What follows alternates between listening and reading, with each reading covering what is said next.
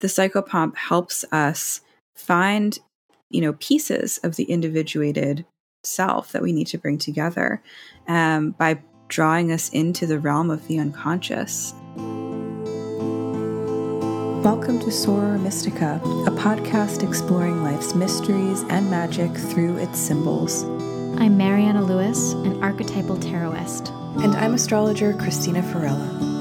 Just as the Soror Mystica guided the alchemist through his holy work, we hope to be your mystic sisters in these conversations, guiding you deeper into the symbolic life.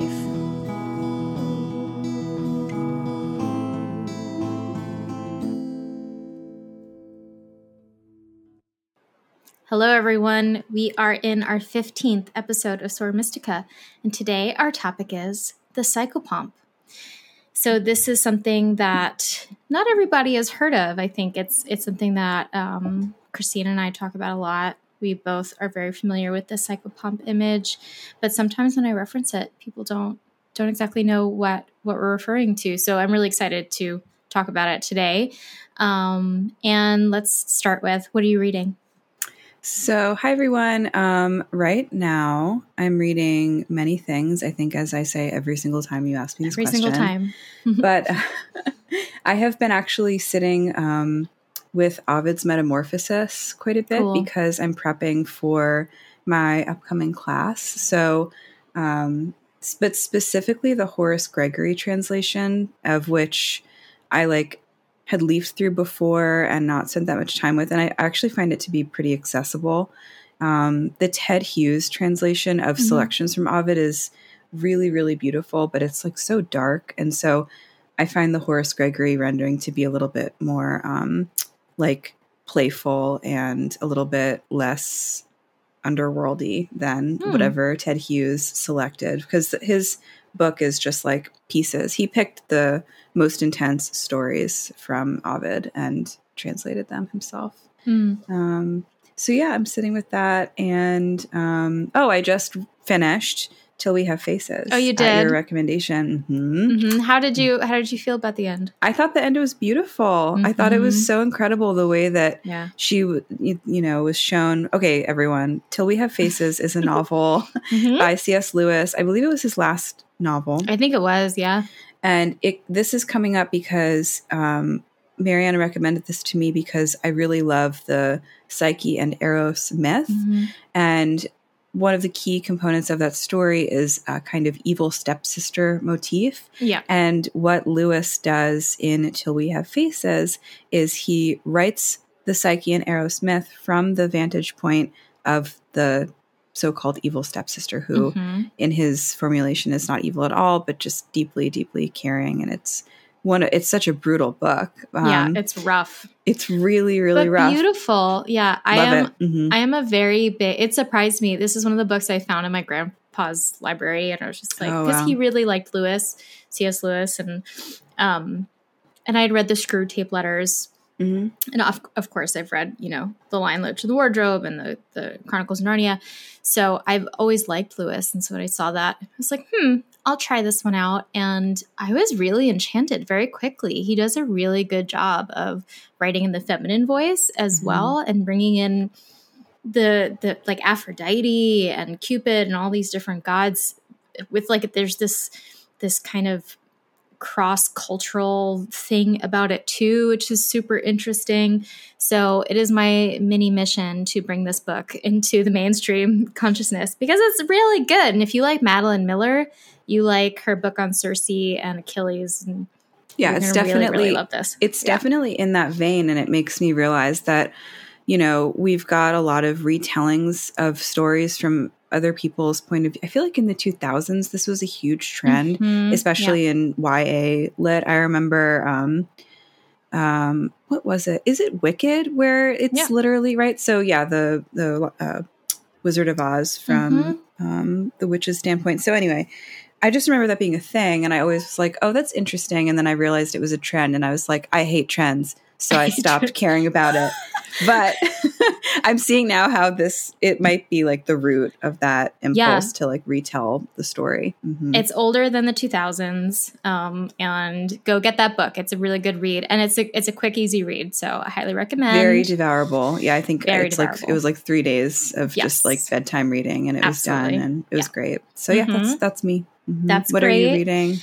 I today I just started the Gospel of the Beloved Companion. Oh, so you got light it. reading. I yeah. did. It's right here, and I dropping everything. Um, the listeners can't see it unfortunately, but I will show you just because it's great.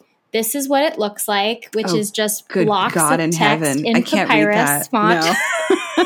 in papyrus font? Are you serious? Yeah. Why would they do um, that? Because, so this is the story of the Gospel of the Beloved Companion. This woman, um, her name is Jehanne de Quillan. She is from Provence, the Provence region. She's from the Languedoc region, which is, you know, it's sort of different from like the main northern French. It's kind of its own thing. And they say that they have a book from the first century that was written by Mary Magdalene that they have kept secret in their tradition because in the 11th or 12th or 13th centuries, there was a crusade um, where they basically eliminated these people who had these heretical documents, these heretical texts, and so to prevent themselves from from being massacred and killed, uh, they had to to hide it and not publish it. And so only now they're publishing it, but they won't let anyone see it. Mm. to do testing on it, right? Because they're very afraid. It seems like they're very afraid of the Catholic Church, which is extremely ah. interesting. Mm-hmm. Um, so basically, it's just published by this. It's not like it's not like published by Random House or something. So it's mm. it's kind of like them Print on demand, kind of like DIY. What they felt like it was, it should look like. Um, and it does feel old and cool, but so I'm I'm devouring that, and it's really very interesting. It's very hmm. close to the canonical bi- Bible as so far, but we're gonna get we're gonna get weird, such as the wedding where Jesus turned the water into wine, his own wedding. Oh, Ooh.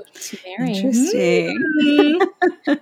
okay, so we're gonna move on now to the psychopomp, um, and so we we can start with probably the very definition of psychopomp, which comes from psyche and pompos I don't know the full Greek word there, but basically the farrier, the carrier of the psyche of the soul. Mm. And so hmm. the function of the psychopomp, it really comes to us from ancient Greece um, and Greek myth, where there would be a figure who would carry the souls from the human world into the underworld to accomplish whatever their particular task was, right? Their their journey. Um, and so we have some very classic psychopomps Hermes, Iris. There's psychopomps from all different traditions all over the world. Um, but of course, we also have the psychopomp as a very important function of contemporary um, study of mythopoetics and depth psychology, being the farrier not only of the soul from the ex- the you know lived world to the underworld, but from the conscious world of understanding ourselves to the unconscious world where we are you know in the in the collective unconscious where everything is true and everything is possible mm-hmm. so i want to see if you have any thoughts to kind of jump us off with the psychopomp especially in in the greek world yeah i mean the way that we can imagine this is that um, the god mercury or hermes was known as the messenger god of the Olympian, whatever situation. And he was kind of like, you know, there's this interesting way in which Mercury was Jupiter's kind of sidekick, and he was mm. specifically his messenger in particular, um, present at a lot of his escapades, but uh, for the most part would also transmit messages. And he had this very easy way of traveling with his winged helmet and winged sandals. And so he has this very day world function. Mercury or Hermes is also the patron of people like merchants and shepherds and sailors. So he has this really mundane quality to him. But he also had this role of, like you just said, helping souls transition from the physical realm into the afterlife and just getting them down into the underworld to be taken by the boatman Charon across the river Styx and then down into Hades. Um, and so symbolically, I think that this is interesting because Jupiter and Pluto um, are brothers, right? One of them rules that day world realm, the other one is the underworld king. And Mercury has a connection to both of them in his psychopomp kind of role. And um, I think that the idea of liminality is something that yeah. really comes up with the psychopomp thing yeah. because we don't just exist in states of life and death or dream mm-hmm. and wake. Like the psychopomp indicates a place of in betweenness that I yeah. think uh, astrologically Mercury speaks to a lot as well. But for just getting started, it is this liminal quality in the myths, almost like a a crossroads kind of vibe, like which we would see in Hecate, um, for yeah. example. So, yes, this is um, a kind of dual role um, that Mercury has. And Mercury was also the only god who could go down into the underworld and travel back unscathed without yeah. it being like a big deal or having to get permission or something like that right. or fight his way out. That was just part of his function. So, that sort of um, duality of light and dark is also built into the Mercury archetype. So yeah, that's where I would start yeah, us off. I think that's so important to. I mean, it's it's kind of the most essential thing about the psychopomp, in my opinion, is that it exists primarily in the liminal space, um, and when we think about what liminality means, it means the ability to exist between, but also to move back and forth, to move into the day world and then into the underworld. Um, and I, we might as well just jump right into it because whenever I think of the psychopomp, I always think of the temperance card um, in the in the tarot because temperance is one of these cards in the tarot that really confuse a lot of people, and it it confuses us because its origins in the Middle Ages were connected to these um, these virtues right? So they they had these four virtues which were very important to experiencing yourself as a good christian. And so temperance is the one that kind of exists me is still in the tarot in this very direct form and in earlier versions i've seen some decks where she's actually holding in one hand cup with water in it and the other hand fire and I actually really like that image mm. of temperance because there is something about this duality, again, of like, here's the two opposite experiences, and she's in between them. And so with temperance, we have this connection to the psychopomp because of her placement in the deck. And there's also, especially in the Rider Waite Smith deck, there's many different little symbols in there that kind of reference her as a psychopomp. But when we think about her, she comes after the death card, number 13, and right before the devil card, number 15. Mm. And it, for the longest time, this like did not make any sense to me. She is a card that suggests tranquility, serenity, a sense of peace, a sense of, of inner awareness. It, it just feels so calm when you're with the temperance card. We're tempered. And then right before us, we went through the massacre of death and then right after us we're going to go confront the the devil himself so what is this card of peace doing in between and it occurred to me it's because it is literally the psychopomp this is the journey that we go on after we experience the death or basically the the moment of saying okay we're cut off from from our mortal existence we have to go into the underworld now this is the next stage there is the figure that comes in and takes us there and shows us how to get there is the is the carrier. Um, and in the temperance card, we also have the there's irises as a flower, um, which is points to mm-hmm. the Greek mm-hmm. goddess Iris, mm-hmm. who was the female psychopomp, mm-hmm. sort of mm-hmm. like the the companion to Hermes, Mercury. And there's also the symbol of the two mountains and the path crossing, and and you know the angel, which I really think is is a symbol that we can associate with the psychopomp as well. So I think that if we're kind of just getting into what does the psychopomp do for us, what is its function, we can find that automatically in the tarot of saying it it is the thing that gets us from from the point of sort of the destruction to the point of really Im- immersing ourselves in the underworld. And what I like about that card in particular is that it does it with with grace and peace and serenity. It is not writhing and fighting and like, oh my God, now it's so bad. Now we, we're just so scared. It's like, no, this can actually be, you're carried, you're transported, you're safe in this passage. And I, I think too, I've mentioned this on the podcast before, but the Pearl Maiden in that that medieval poem, she does the same thing, where she kind of her father goes to sleep and then she appears and is like look on the other side is is you know death basically is the is the end of life and and heaven and and all of this and i am the thing in between telling you that it'll be okay when you get there and, and you'll be safe so i think that that's one of the the layers of the psychopomp that's really beautiful um, is that it reminds us that we are well mm-hmm. that we can mm-hmm. be balanced and we can be flexible and we can move with this transition um, and don't have to be so terrified and overwhelmed by it.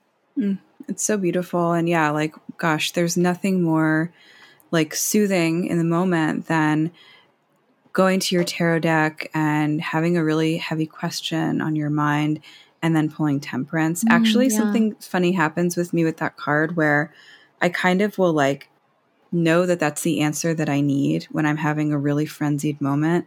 And I'll draw a card and it'll be her. Like I'll have like a, a kind of like You'll image of first. it. Yes, yeah. it's so funny, and that's the only card that that happens with. And to me, it's always saying like that's always an option, you know. Mm-hmm. So always remember that you can turn here. But um, yeah, I love everything that you just shared, and the duality of fire and water in that original mm-hmm. image is really, really compelling to me. And you know, we've already spent um, an episode talking about the elements. So if that's like a new idea to people, you can scroll back and it's like one of our first few episodes that we talked about the four elements in. But the kind of duality of um, the creative, kind of carnal with the fire, and then mm-hmm. the intuitive um, lack of structure or the dream um, or sleep with the water element feels very much like what that could be symbolizing. Yeah. Um, Iris is the messenger of Juno or Hera. Mm, and mm-hmm. so Jupiter has Mercury and then Juno has Iris, which yeah. is really interesting to me too. And um, I think that there's always this like Mercury to me, especially in especially in astrology, we say that um, you know many of the planets have a kind of gendered orientation, but Mercury is neutral and mm, takes mm-hmm. on the energy of whatever other planet he's kind of around or what sign he's in or something like that. And I feel like that flexibility of form is mm-hmm. right to be mercurial is to be changeable to be mutable mercury governs two mutable signs in the zodiac virgo and gemini and so there's this kind of protean element to the psychopomp and to mercury that says energy is not just meant to sit still but it is here to be transformed from one realm of being to the next. Yeah. And I think that the psychopomp to me is kind of comforting because in terms of our own work, right? I think that this is maybe the next thing that we should bring in. The psychopomp helps us find, you know, pieces of the individuated self that we need to bring together um, by drawing us into the realm of the unconscious. Uh, a lot of the practices that I recommend to people kind of revolve around dream work or automatic writing to kind of get under the surface of something that is a question that's perplexing them. And so, Mercury as a guide can very much be helpful for that. In fact, I believe that in a lot of those medieval dream narratives that we read in um, that horrible class in grad school, like at the beginning, the psychopomp or Mercury is invoked, almost yeah. like at the beginning of the Odyssey or another classical epic, the muses are invoked to kind of help the poet tell the story. At the beginning of a dream narrative, it seemed like Mercury or the psychopomp or some winged creature was invoked to help the narrator go down into a dream or find sleep or something like that. So, um, yeah, I think that that's all yeah. very much part of his, yeah, his dynamic there. Mm-hmm. Absolutely. I think the psychopomp is a really important figure to talk about with dreaming because bringing this out of the mythic, you know, realm and into the psychological realm, Jung was was really keen on on adapting the word psychopomp into his archetypal lexicon. And he saw the psychopomp as the figure that carried our consciousness out of the realm of ego control and into the unconscious space. And he really believed that this was not something that we could just do, that we we could just accomplish on our own. And I, I tend to agree with that because you know, we can all want to do the inner work, but we can't sit there and force ourselves to like do it and immerse ourselves in our own unconsciousness. It's it just doesn't work that way. And so there has to be this this archetype that carries us into it. And his, theory around that, it's of course whenever we're talking about Jung's theories of anima and animus, which is what I'm going to reference, we take it with a grain of salt. I like to remind us of that because I take it with a grain of salt personally. I really think that there is something so vital and so important there, and also something that is really outdated and just doesn't function mm-hmm. anymore. But his belief was that in men, there was a contrasexual archetype called the anima, which was a feminine uh, archetype. And for women, there was a contrasexual masculine archetype called the animus. And that the main function, or one of the main functions of those archetypes, was to be the psychopomp. And it's very interesting because his his theory was that the this contrasexual archetype, the anima or the animus, appeared to us in the dream world and was the thing that pulled us deeper into ourselves was the thing that allowed us to immerse ourselves in the unconscious. So, for many men, they would have dreams of beautiful women or mothers or scary old witches or however the anima appeared to them. And for many women, they'd have dreams of poet professors and warrior men and, you know, old you know authoritative father figures and and that these were how the anima and animus would appear and invite us deeper into meeting the unconscious um, and I, I i don't know how i feel about that idea I, am I'm not against it, but I, I think that there's something more to explore there. But I really do find it very interesting that he believed that that this was the main function of that that opposite experience in us was to say, look, you have to go into yourself more deeply. You have to discover something about yourself you haven't known yet. Um, and so that was that was one of one of the main things that, and he found that in, in alchemy too, with Mercury, who alchemists were really obsessed with. He was a very uh, key figure in alchemy, and then also on the other side, Sophia, who mm. was kind of Mercury's like partner um, in in the alchemical space. So fascinating. Yeah, when I think about, you know, I don't, I do not know as much um, about alchemy as you do, but I know that you know the Mercurius figure is super important, and I think that that's another thing that speaks to the transformational quality of Mercury or a psychopomp or Hermes or, you know, Hermes Trismegistus, like all of mm-hmm. these figures of um, of changing consciousness or changing matter or changing the spirit or the soul. And I think that that's one of the cooler things that we can take from the psychopomp figure now. It's like, okay, this is all great, you know, esoteric stuff, but how do we live with the psychopomp? And I think that tuning into whatever version of psychopomp nature we have inside of ourselves, right? It's an mm-hmm. archetype that we possess, yeah. can guide us. We can be self guided on that journey to that inward turn to seeking something essential about the self yeah um, and and finding healing in that way and so yeah i think that when i think about mercury or hermes I, or the psychopomp i think about the caduceus right the mm-hmm. staff yeah. with the two snakes and the wings on it and um, it's become in some regards a symbol for people who are like in the medical profession now. Yeah. yeah. Sometimes it's the staff of Asclepius, which just mm-hmm. has the one snake on it. The caduceus is Hermes' staff, which has two snakes on it.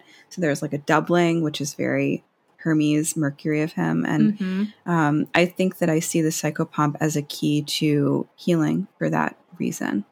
Yeah, well, that's mm-hmm. the the caduceus is on the uh, two of cups in the tarot. Yes, which is a very interesting thing. I've I've spent a lot of time reflecting on why in the world they put the caduceus on that card of all cards, um, and I think it is because of its it's connection to healing as as you're saying i think that there is something that we see in the two of cups that's about connection but it's in meeting the soul of another that there is an experience of healing healing the gaps within ourselves and, and finding the places where we don't know enough about ourselves or we mm-hmm. need to mm-hmm. learn a little bit more about ourselves and so and it, it's uh just the two of cups in general feels like it can really point to that sense of harmonious healing finding finding restoration through love and through connection relationship um i think that you know with with the uh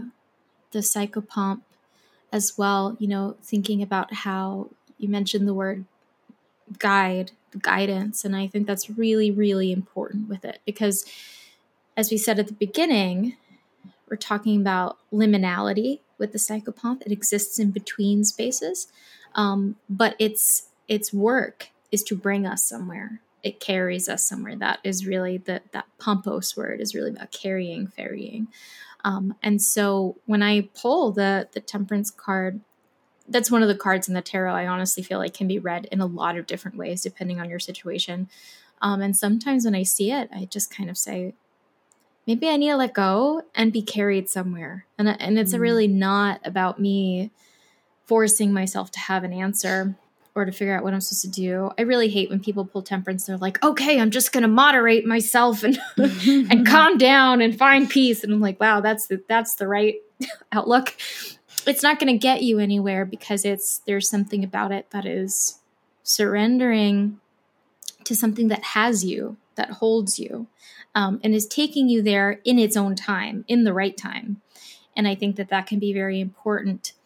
Um, so, so when I pull the temperance card, or when I feel like that that psychopomp archetype is really present, um, I'll honestly often recommend people to pray, mm-hmm. or to to do magic, or to just invoke whatever ancestors or spirits or, or whatever they connect to personally, because it's the request of guidance it's the request to be ferried and carried to the next state of awareness because we can't always get there on our own. And I think that that's again one of the reasons that the the temperance card is number 14 right between death and right between the um the devil is because we're not really meant to get there totally on our own. We kind of have to be brought there. And that that was Hermes' function as well. There's a lot of heroes who had to go to Persephone or had to go do something in the underworld. And the rule was you don't go there by yourself. That doesn't happen. You you can't. Um, you need a god to mm-hmm. to escort you there um, for your own safety.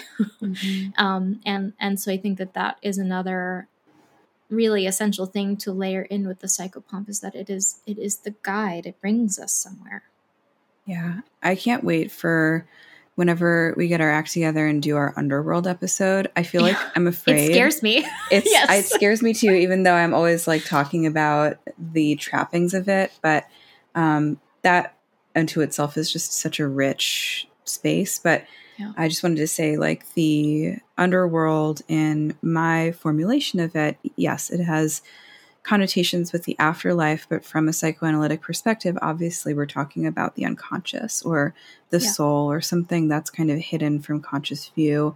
In astrology, maybe it's the fourth or the eighth or the 12th houses of the natal chart.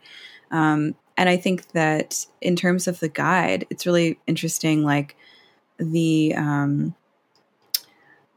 in the Aeneid, uh, Aeneas needs mm-hmm. to go down into the underworld to find the ghost of his father and do some kind of daddy work and hear something about Rome to be. Mm-hmm. Anyway, he cannot get there without the guidance of the Cumaean Sibyl, who is the Sibyl that was in Sicily. Um, the Sibyl is an oracle. And so he needed to basically convince her to take him to the edge of the underworld in Sicily. And then she told him, You need to have me guide you, and this will only work if you're worthy. And if you particularly find like this tree with a golden branch and you have to mm-hmm. pull the golden bough down, that's going to be the gift that you offer Persephone. And that's how you're going to get past Cerberus, the three headed dog, and across the river of Styx and all this stuff. And so, you know, there are always these tasks as well that the psychopomp kind of cues us into these little mm-hmm. routines or rituals or, yeah, just things that we need to accomplish in order to get down into the heart of that underworld space where there is some rich insight or a ghost, for lack of a better term, that will say to us, I release you from this old wound, or here's the answer that you were seeking, or here's a piece of the answer.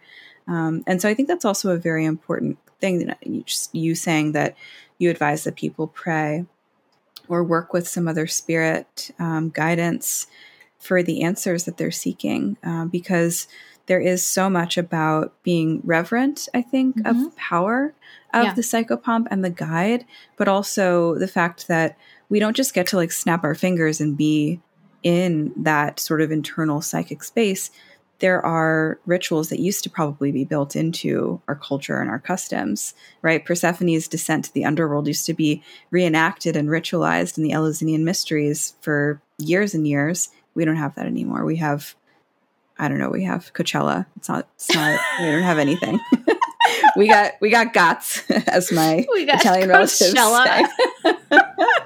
that is no our Eleusinian mysteries. There was no space um, for this, and I think that that's really oh, really significant. So, yes, um, I love the idea of being guided and then finding and discovering on your own what it is that's locked away. That's because mm-hmm. I don't think that the psychopomp gives us answers. I think that yeah. I see the psychopomp as like a riddle maker or someone who Ooh, poses yeah. a question, um, almost like. You know, when I think about riddles, I think about the Sphinx. She was someone who just needed to give passage to mm-hmm. Oedipus, right? Um, yeah, I think she wasn't going to like guide him anywhere. But yeah, I feel like it's the psychopomp poses questions and the psychopomp gets us into a space where maybe we're receptive to the answers. I think that that's an interesting yeah. way of putting it. Yeah, I think that's so good because we have to, in order to enter the underworld or to enter the, the other space where we're supposed to get something because it doesn't just bring us there and leave us there. It's not like, okay, we're in the underworld now, goodbye. And I mean, yeah, sometimes you you have to figure out your own way back, but the point is that there is a return journey. That is, mm-hmm. that is really really essential. And so the the psychopomp part of its function is to prepare us for entry into the underworld, which is always very different and very scary. And we need to have the right gifts and we need to have the right mindset. Um, I think that this is this is definitely something that we see in like fairy tales where there's like a fairy godmother who is like a psychopomp figure who's like okay you're gonna get the prince or or you know rescue your brothers or whatever the the task is but you're to need to do this and find this and figure that out and so i'm to tell you the steps you need to do along the way and then you'll be able to actually accomplish it. And i think that that that's really really important um, is it it helps us develop the orientation we need of usually humility and as you said reverence um, that it kind of it kind of helps us relinquish the ego a little bit. And i think that coming back to the tarot just because i am me um, the the temperance card you know before we get to the devil card the devil card is is a really enormous point in the tarot sequence where we cannot meet the devil with arrogance because then we're not nothing's going to be accomplished. He's just going to blow us up and, and kill us and and you know ruin us. We have to be able to meet the devil with a sense of humoring him a sense of being able to interact with him and learn something from him. This is really what jung believed. He talked about this in the red book you know, if you get the chance to meet your devil, you better take it seriously and ask him the right questions, is, is basically what he said. Mm. And so, temperance, after we've gone through death and we're like raging, because we're like, where am I? How does this happen? Why, you know, has this happened to me? Part of temperance's lesson is to say, be humble. You know, this happens to all of us.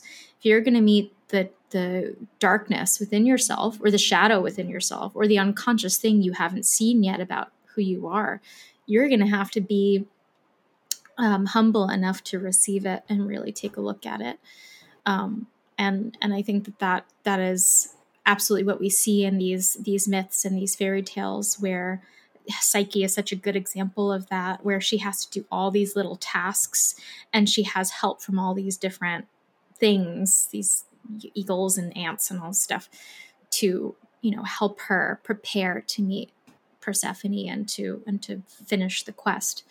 Um, and so the psychopomp guides us to that.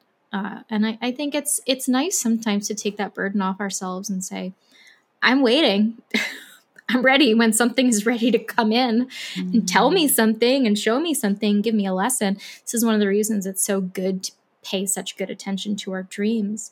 It's because I think that the psychopomp comes into our dreams more often than we recognize and will come in in a lot of different guises, a lot of different costumes, and will take us somewhere. You came in my dream as a psychopomp in that dream that I I talked about. I think in the first episode where before we started grad school, um, I had this dream that this girl was like, "Hey, I'll show you the way to the library, and when you go to the library, you know, basically there'll be someone important you have to meet." And and it was you, and I realized that when I met you. Oh my god, that's the girl of my dream. Um, and and you, th- there is this moment of being brought to the place I needed to be brought to, and so when we pay attention to those dreams where we're carried somewhere, brought somewhere, shown something we didn't see before, some other figure comes in to reveal something to us, those are moments to take it seriously and say, okay, I guess I'm being guided somewhere prepared for something. Mm. And to just be curious about what that might be and trust that mm. it's happening unconsciously, even if we don't see all the mechanics of it. I think that that is such an interesting point because it's like how how are we supposed to know? Like when I think about being between the death card and the devil card, having temperance in between sounds really good and sounds like good space to be in before, you know, after meeting one really heavy archetype and then being oriented to the next. But how do we know when we're being guided would be my question. Yeah. And you don't have to answer that, but it's like, you know, what's the difference between a mental breakdown and feeling guided or, you know, the loss of hope and feeling disoriented and then looking for the next thing? Like, I think that that's again, it's an impossible question to answer. But well, yeah. I I have a story. I have a story that's a good example. Um, so I just came back from my travels to Belgium and France, and I was in Belgium for a couple days, and then I was in France for a couple. Well, I was in Paris a couple days, and then I went on my pilgrimage. And so I was with my husband, and we were on this like, you know, vacation, basically, you know, and he left his phone on a train. I don't know if I told you this full story. I think I probably voice noted you while we were away. I think I, I like, know it, but no one else okay. does. So yeah, no one else does. Everyone. Big story. Yeah. Um, and so the the phone was on the train, and then he realized the phone was on the train, and we were like, "Oh my god!" And he had his iPad, so the iPad was able to connect to the phone and say, "The phone is here." And the phone was on the train, being taken all over Belgium, and we went to the train help desk and and we were like, "Oh my gosh, lost the phone." They said, "Well, maybe someone will drop it off at the lost and found, but please don't think they will because this is the world and someone just got a free iPhone." Um, and so he was really upset. Um, and so I was really worried not not for the phone phones can be replaced but worried because it was upsetting to see him upset and to lose that thing that is like the safety blanket of orienting him to like i'm here i have my routines i have my stuff and he's an artist and so he had a lot of his art on the phone and and things and so we checked in with the ipad and it, the phone was like in the middle of nowhere never coming back like 100 miles away or something like that. And I'm like, okay, well, we'll just let this go at this point. And then the next morning, he checked again and it was back in the train station that was really close to our hotel, like a five minute walk. And so we packed up our stuff. That was the day we were going, taking the train to Paris. We packed up our stuff really fast and got to the, the train station. Um, and he he was really concerned. So he had the iPad and it was like trying to locate where the phone was in the train station. He's like running around trying to see if he can pinpoint it. And I was waiting on this endless line to go talk to the help desk to see the lost and found it, found it.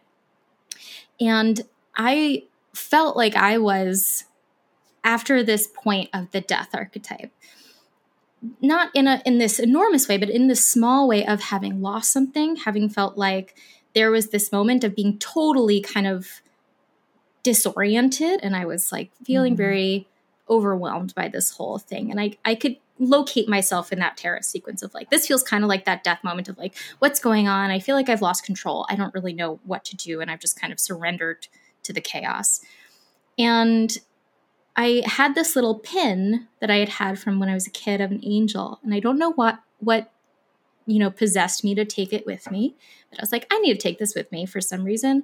And I took this thing out of my bag and I just held it. And I was just like, I need guidance. I like I need to connect to something that feels like I can let go of my need to control this and to find this phone and to make him feel better and to take away the stress and the whole thing. And I was like really um, you know, really in this state because I'm I'm a I'm a person who likes to control things, um, to say it nicely. so I really wanted I wanted to control the situation, and I, I pulled this this angel pin, and I thought, okay, I need to let go of the control. I need to let this guide us to what it's supposed to guide us to. And even though that's a tiny little small moment, it felt really good to consciously surrender and to pray or to invoke this this thing that was like hey i'm going to ask for help right now i'm going to ask to be guided to whatever i'm supposed to do or whatever this is supposed to pull out of me and us and the moment that i felt like I really surrendered to that um, and really locked into that that archetype, that temperance archetype of being flexible and being a bit reverent and, and not gripping um, and just being receptive to learning something. Um, you know, the, the help desk said we don't have it. He couldn't find it, and I kind of just heard this thing in my head that was like, just call it. And we had been calling it and calling it, and it was off because we were traveling. And so he was like, it's not gonna it's not going to work because it's not, you know, we have been calling it, no one's picked up. And I called it, and some guy picked up and was like, I have your phone. would you like it? And we are like, oh my God, yes, we would. and some 18 year old boy had this phone and was not a bad person and actually gave us the phone, wouldn't even let us give him like 10 bucks as a thank you of like doing that. And he was just like, mm. no, this is yours and i was like oh my god this was this was the temperance guidance of like calm down don't get lost in this listen to the the subtle wisdom that's coming through and just be guided and it, it felt really really good um, and so that's my extremely long-winded story of how that kind of shows up in the real world and i, mm-hmm. I reflected on that after of like I think I did an okay job there, actually, of all the stuff I've studied about the tarot and all this thing. And I was able to think, where am I right now? What am I supposed to do? And I realized control and gripping and grabbing is not going to get me anywhere here. Mm. I have kind of died to my control in this situation.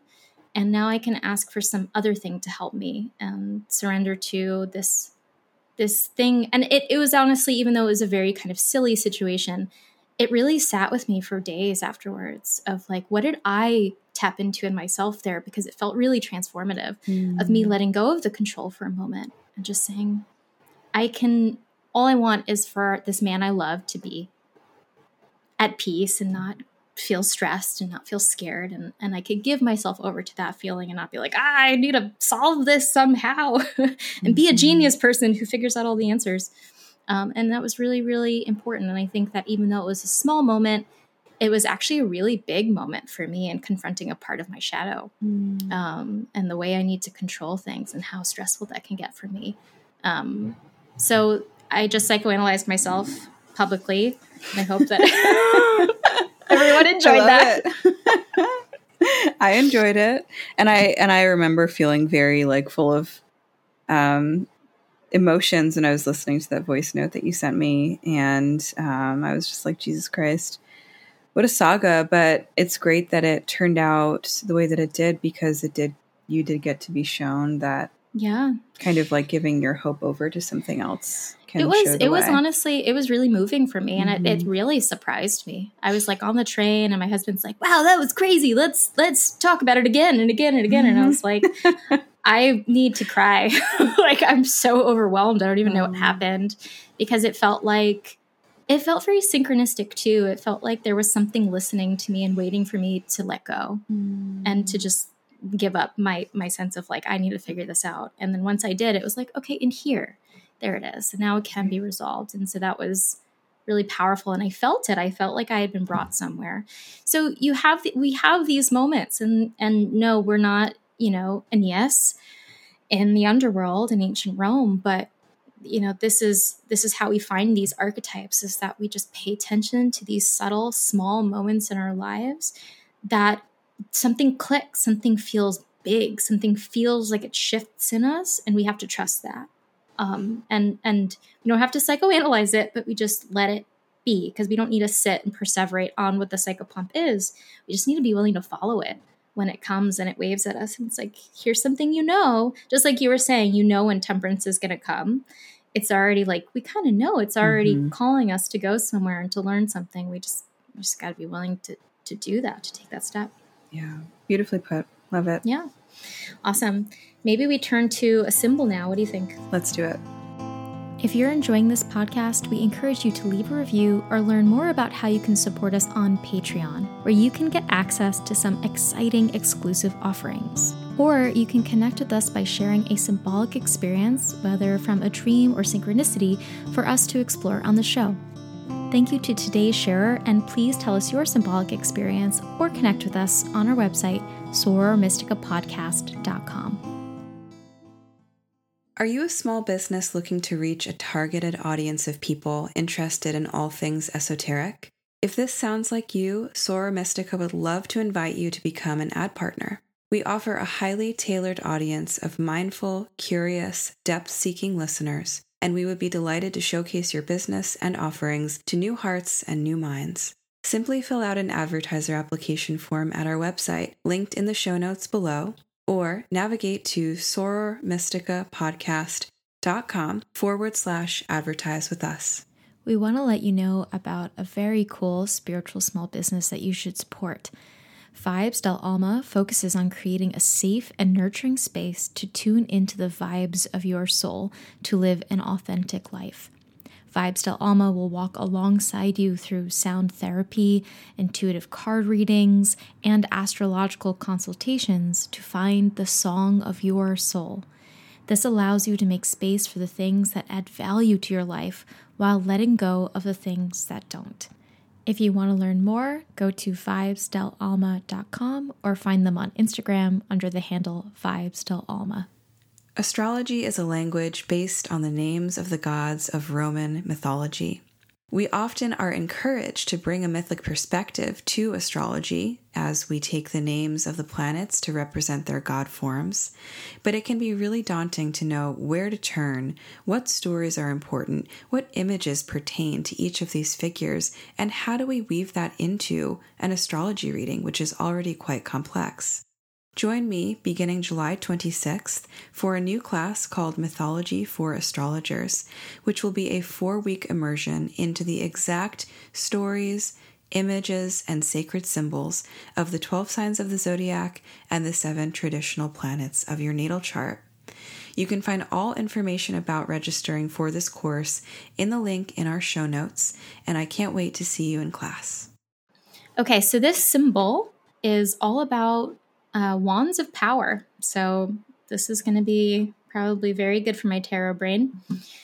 So I had a dream where I was holding a long wooden stick on my left hand as people were singing in a circle.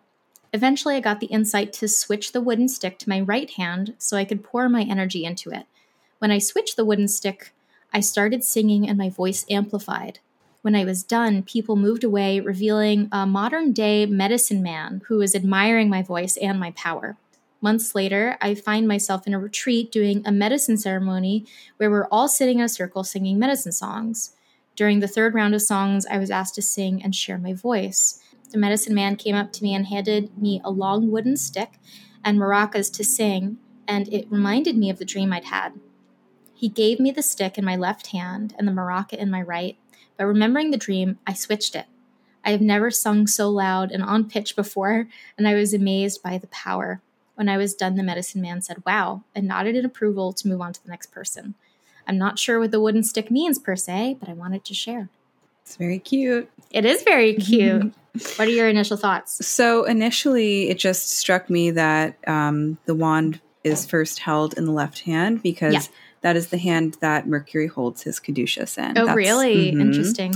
Yeah, the left-handedness. Um, and then you know, I think that left leftness, left-handedness is always like the liminal underworld side of things, and then the right hand is more of like the day world generative solar kind yeah. of side of stuff. Isn't it like connected the left is supposedly the feminine side and yes. the right the masculine side yeah. yeah i think that even in um, italian left is like sinistra which is like mm. sinister you know it's supposed because to be evil. There, because it's mm-hmm. women yes, yes right exactly i'm left-handed so um, yeah I'm, I'm I, I, only learned that about you recently and i was how like dare how, you? Did, how did i not know that because you're in the internet and mm-hmm. on my mm-hmm. phone. Mm-hmm. I don't see you in person enough. Taking notes in class. You never mm-hmm. watched me take notes. Well, you had your computer. Yeah, I was texting other people. I wasn't paying attention.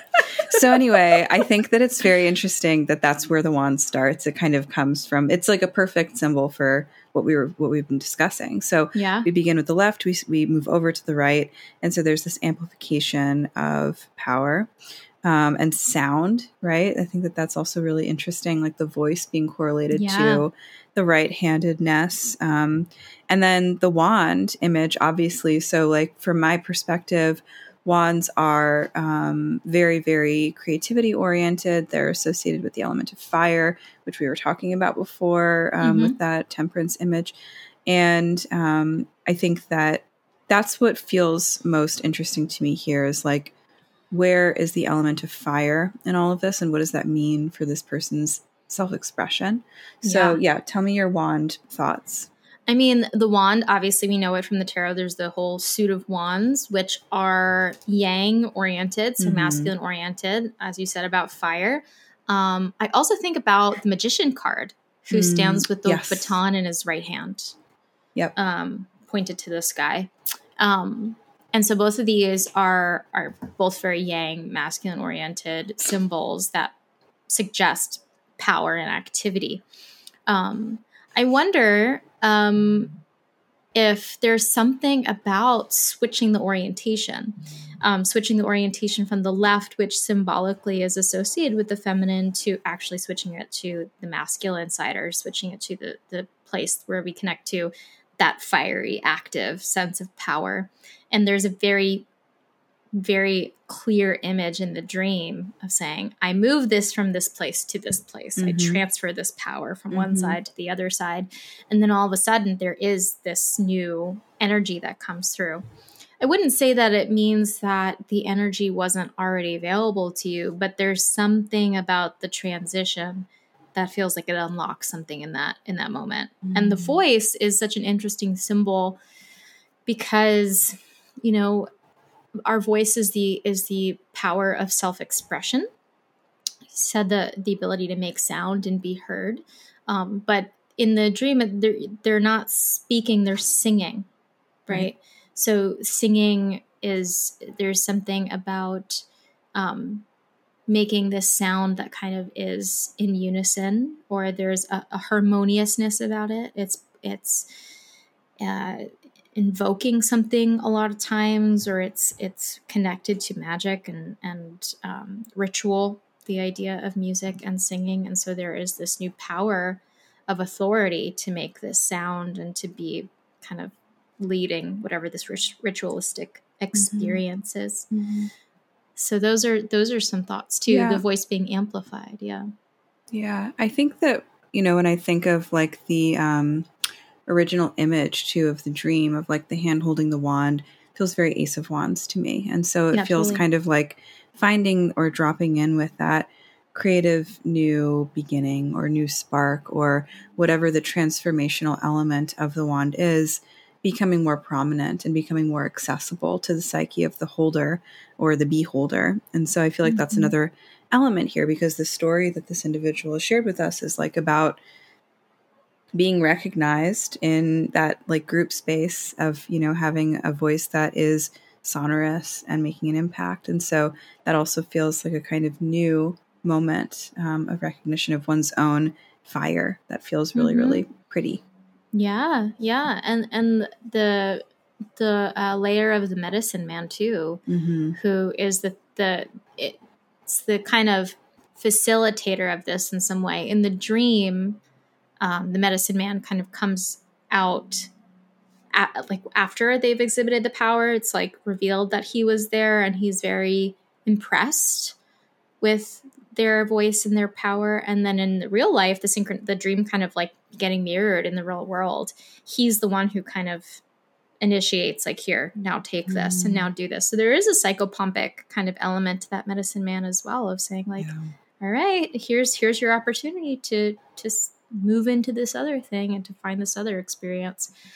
Um, for this person i would have them do some research on their own about right and left and what that symbolizes and feel what connects for them right? When we're doing this work um, jung in, in jung's uh, theory of active imagination basically you you take the symbol into the imagination and, and continue to work with it but that's not the only thing that you do. You also then go and do your research. You take the symbols and you amplify them, meaning that you buy a symbols book. Mm. You you know, make the most of Wikipedia. You actually look at these symbols and and put them together uh, to understand what they mean for you. And not all symbols are going to have associations that mean something to us. And I, I want to like really point that out to people. People might have you know you might have a the wand come up in a dream and then google it and they're like this is about transformation. And you're like that doesn't really feel like what it's mm, about for me yeah. here. And that's really okay because that's the point of symbols as we say over and over again on this podcast is that they they symbolize they are a metaphor for something deep within ourselves. And there's a universality about these metaphors and these symbols but they're also just filled with possibility. So I would say continue to do some research about what that right and leftedness feels like for you. Um, see if there's poems and stories out there, things out there that that show the right and the left hand. Mm-hmm. I bet that mm-hmm. there's something really interesting there mm-hmm. that you're going to find that kind of clicks it into place a little bit. Love it. Um, okay, so if you haven't, make sure to check out Cristina's class. Mm-hmm. Um, which is Mythology for Astrologers. Mm-hmm. Mm-hmm. And when is it starting? It's starting on July 26th, and it is going to be a four week class, basically like four weeks of live lecture. Plus, we're going to be reading some myths together, which is really exciting. And the whole point of Mythology for Astrologers is to help people feel more confident in knowing the exact symbols and stories of myth that are really foundational to bringing a mythic perspective into reading charts. So you don't have to be an astrologer in practice to take this class. You just have to be someone who is curious about mythology.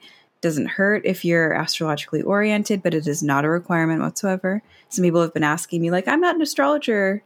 Can I still take this? And I'm like, yes, you can do whatever mm-hmm. you damn well please. But you don't have to be like, you know, reading for other people professionally. No, yeah. Um, yeah. This is just my approach to setting down the foundational elements of the signs and the seven traditional planets so that people can bring these stories into their own self concept, basically. Um, so yeah.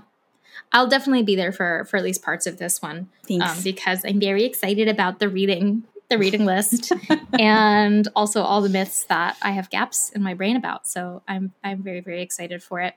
Uh, and you'll definitely be talking about Mercury, mm-hmm. the psychopomp. Um, sure will. So it's gonna be a great one. So make sure uh, to go leave us a review and give us our your, uh, your symbols. We are collecting symbols for the summer for the next series of podcasts. So if mm-hmm. you have an interesting dream or an interesting synchronicity, let us know about it. Um, mm-hmm. The link is in the description. And take care, everybody. See you next time. Bye, everyone. Thank you for joining us in our conversation today. Please consider supporting the podcast by leaving a review and following Soror Mystica wherever you listen. You can also become a more active supporter and a member of the Soror Mystica community by joining our Patreon. If you have a symbolic experience that you'd like to share with us for the podcast, you can tell us all about it at sorormysticapodcast.com. The music for this podcast is written and performed by me, Mariana Lewis, with special thanks to Stefan Lewis. You can connect with both Cristina and myself on Instagram and get to know our work by clicking on the links in the show notes. As the alchemical motto goes, as above, so below, as within, so without. May this ancient wisdom continue to guide you deeper. Until next time, take good care.